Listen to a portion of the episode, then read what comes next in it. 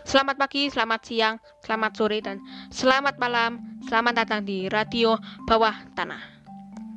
Hari ini, setelah kemarin kita membahas jenis dan bentuk tulang, dalam rangkaian sistem gerak manusia kelas 8 SMP, kita bakal membahas tentang rangka. Rangka, langsung saja, manusia mempunyai rangka di dalam tubuhnya, sehingga disebut rangka dalam endoskeleton. Beberapa fungsi rangka pada manusia adalah sebagai berikut. Memberi bentuk tubuh, menegakkan berdirinya tubuh, tempat melekatnya otot, alat gerak pasif, melindungi alat-alat tubuh seperti otak, jantung, dan paru-paru.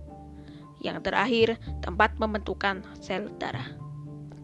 Secara garis besar, rangka manusia dikelompokkan menjadi tiga bagian utama, yaitu tulang tengkorak, tulang badan, dan tulang anggota gerak.